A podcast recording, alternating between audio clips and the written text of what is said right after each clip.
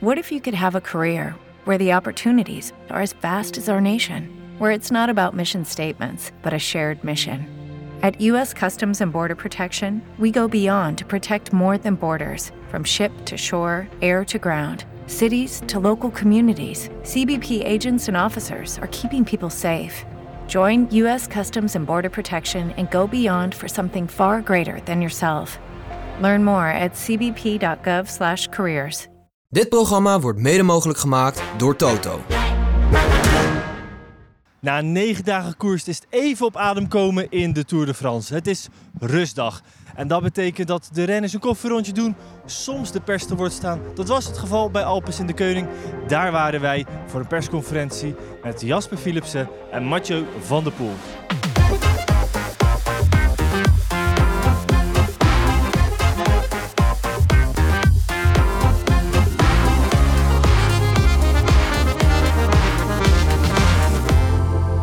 Leuk dat je kijkt of luistert naar de Wielenflits update. Het is hier nog rustig. Morgen finisht hier achter ons de tiende etappe. We zijn in Izoar en we zijn hier omdat hier vanochtend Alps in de Keuning een persconferentie eh, hield. Vroeg in de ochtend, toen was het nog niet zo warm als nu.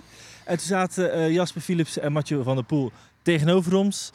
Wat is je bijgebleven van wat zij te vertellen hadden? Ja, het zijn de meest besproken renners, misschien wel van deze Tour. Als we dan even mm, buiten Pogacar en uh, kijken. Wat is me bijgebleven? Ja, toch ook wel een nog steeds heel gemotiveerde Jasper Philipsen.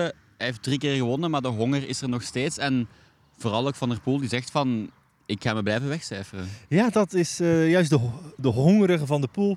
Die is er akkoord mee dat, in deze rol. En ook eh, zegt ook, ja, ik realiseer me dat ik niet in elke grote ronde een rit zal eh, kunnen winnen. En als het in deze Tour niet gebeurt, ça va. Ja. ja, inderdaad. En het is denk ik ook vandaag wel weer duidelijker geworden dat Van der Poel echt wel ook naar het WK kijkt. Net zoals Van Aert eigenlijk, maar die moet zich wel harder wegcijferen Ja. nu. Maar Van der Poel die is echt daar wel mee bezig. Ja, en dat was wel opvallend. Ehm, we zijn pas één week ver in de Tour, eerste rustdag.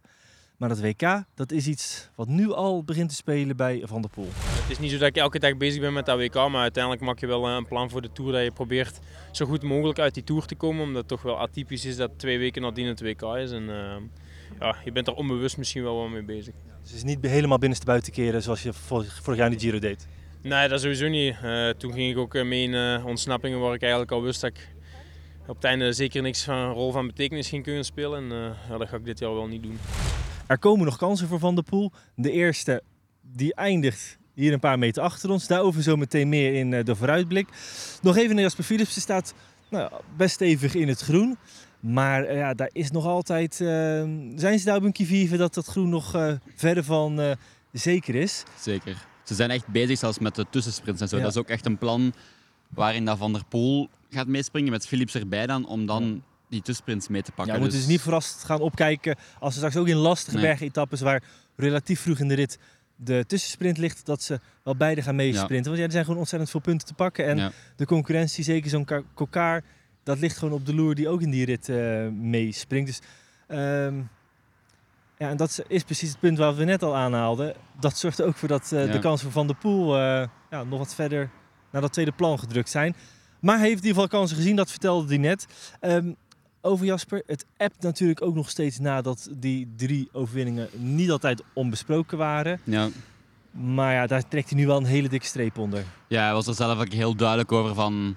Ik zou sowieso niks bewust doen en hij ziet ook weinig fouten. En vooral, het maakt hem niet extra hongerig om nu Nee. naar een, eh, ja, een, een overwinning te gaan waarnaar, waarnaar geen discussie is. Daar is hij niet mee bezig. Ja, ze gaan altijd wel iets vinden, denk ik. Dus eh, daar eh, spin ik mijn eigen niet aan vast. Ja, voorsprong in het puntenklassement is intussen ook al riant. Moet je nu al veel rekenen? Eh, rekenen doe ik nu nog niet echt, maar ik probeer nog punten te nemen. En zeker eh, de andere snelle jongens, als die punten nemen, dat ik zorg dat ik ook zelf punten neem. Dus dan eh, behoud je de voorsprong. Nou goed, het was wel eh, een stukje weerbaarheid eh, van hem wat we, wat we kennen. Wat ik ook verder wel opvallend vond bij hem is van... Ja, het WK in Glasgow, Ja, hij gaat ook mee. Maar de Belgische ploeg heeft natuurlijk Remco Evenepoel al, Ja. uitrijdend wereldkampioen.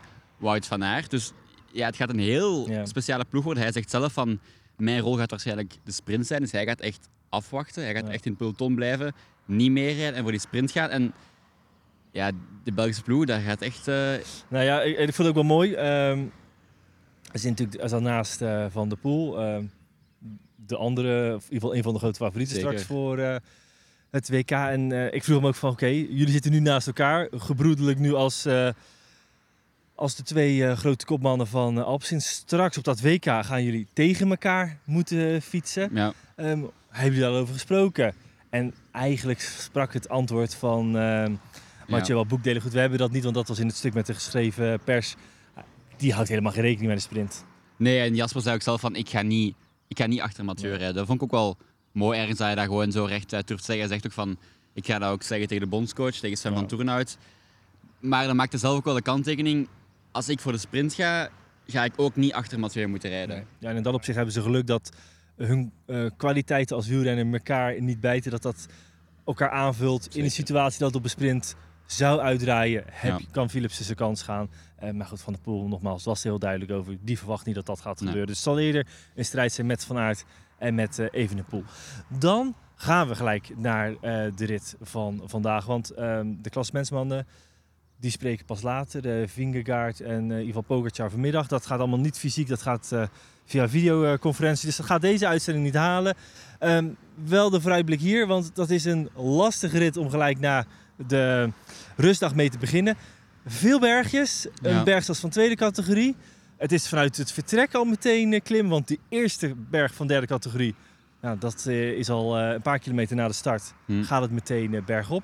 Ehm, ja, een kans voor Van der Poel, maar gaat hij wel mee moeten springen en mee moeten komen met een vroege vlucht. Ja, en zelfs dan gaat het niet makkelijk worden. Het is, eh, is eerst twee bergjes van derde, dan eentje van tweede en dan weer twee van derde. En vooral die laatste van derde is denk ik wat was 6,6 kilometer aan 5,5 procent. En daarna nog een uitloper van 2 kilometer. Dus het is wel een lange klim. En ja, als hij in een vroege vlucht zit, iedereen weet van we moeten Mathieu gaan lossen. Dus ja, het gaat een moeilijke, moeilijke zaak worden. Dan gaat ook hier weer eigenlijk de rol spelen wie gaat controleren in het eh, peloton.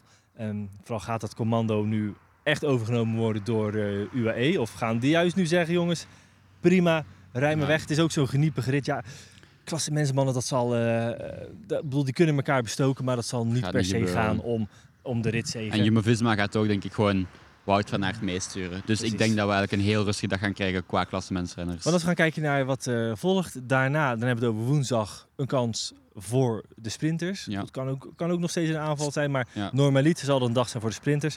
En daarna eh, weer een lastige etappe. Zou je weer met potlood de mannen à la Van der Poel eh, of, en, en Wout van Aert kunnen zetten, Ja. mocht het koersverloop daar eh, voor passen.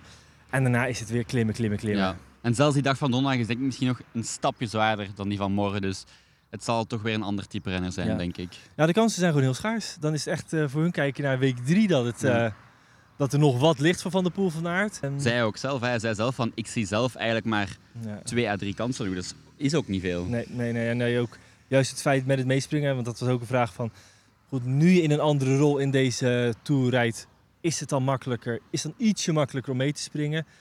Ja, dat maakt eigenlijk niet uit. Uit het gisteren geprobeerd en dit naar Puy komt hij ook niet weg. Nee. Um, wat dat op zich uh, gebeurde niet. En ja, wat wel nieuw voor hem is, vorig jaar in de Giro sprong hij mee, we hebben het nog steeds over Van der Poel, in, in bergetappes waarvan hij zelf ook wist, daar ga ik het tot het eind nooit redden.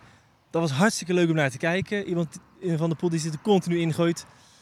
Maar die gaan we niet meer zien. Nee, hij maakt het heel duidelijk van... Ja, dat was misschien wel leuk en ik heb toen heel veel geprobeerd, maar dat ga ik niet doen. Ik ga nu slimmer met mijn krachten omspringen.